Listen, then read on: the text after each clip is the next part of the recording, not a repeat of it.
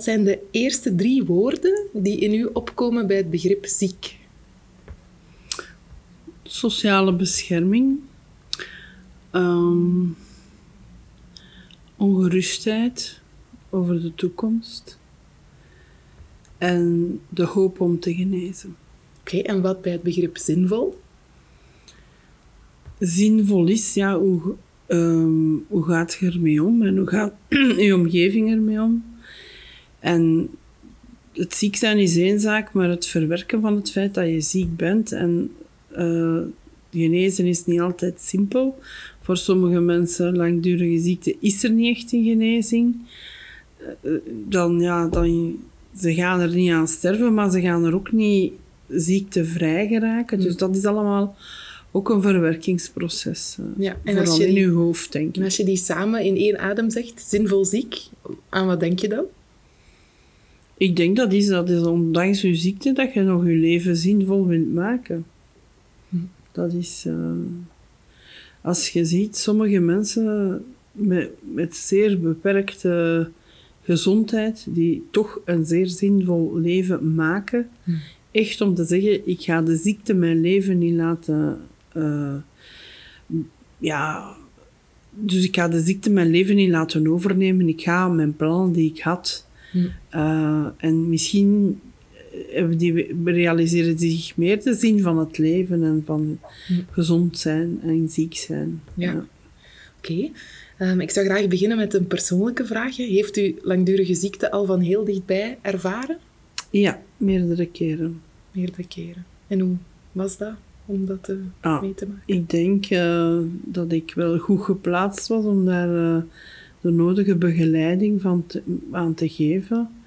En uh, ja, heel veel praten hoort daarbij. Hm.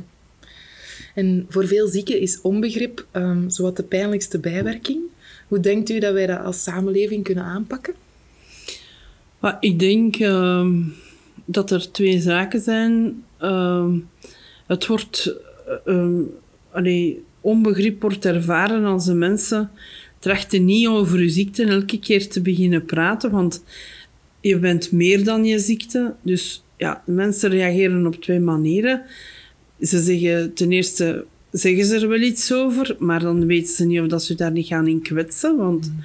allee, dus dat is een, een zekere schroom om met, met iemand ziek te praten.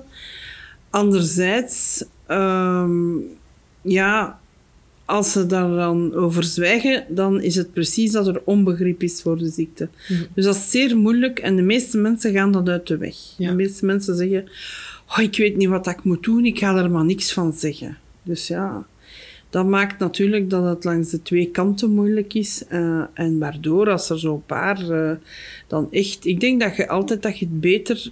Uh, zeker als je iemand de eerste keer ziet, dat je er toch iets over zegt omwille van het feit dat het niet zou zijn alsof dat je het niet ziet. Mm, klopt. En uh, zelf iemand nog maar in een rolstoel, die mensen die zeggen, er loopt iemand achter mij om mij te helpen en ze babbelen met die over mijn hoofd. Mm.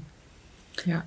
Dus dat moet je dan ook weten en dan is het eerste dat je moet doen, is u tot de patiënt zelf richten en pas nadien tegen diegene die erbij is. Nee, dat is waar. En dat is de erkenning dan gewoon. Maar dat is zeer, zeer frustrerend dat jij daar gewoon, ja, omwille van een of ander nogal laag zit en dat ze over je hoofd beginnen babbelen alsof dat jij er niet zit. Nee, nee, klopt. Maar natuurlijk, veel ziekten zijn onzichtbaar hè, in deze tijd, dus dat maakt het Ja, maar dat is dan ook... Uh, uh, als het onzichtbaar is, dan kun je het niet altijd weten. Hmm. Uh, en dan, zeggen ze, dan heb ik daar begrip voor dat die, zeggen, die mensen zeggen het is alsof dat wij niet ziek zijn, maar we zijn wel ziek, maar het is onzichtbaar ziek.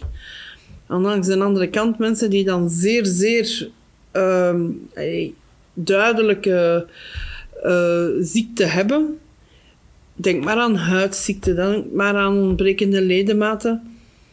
Die zouden het dan liever verbergen. Mm, dus ja, ja, het is altijd... Het is de twee gewoon, hè. Dus... Uh, Oké.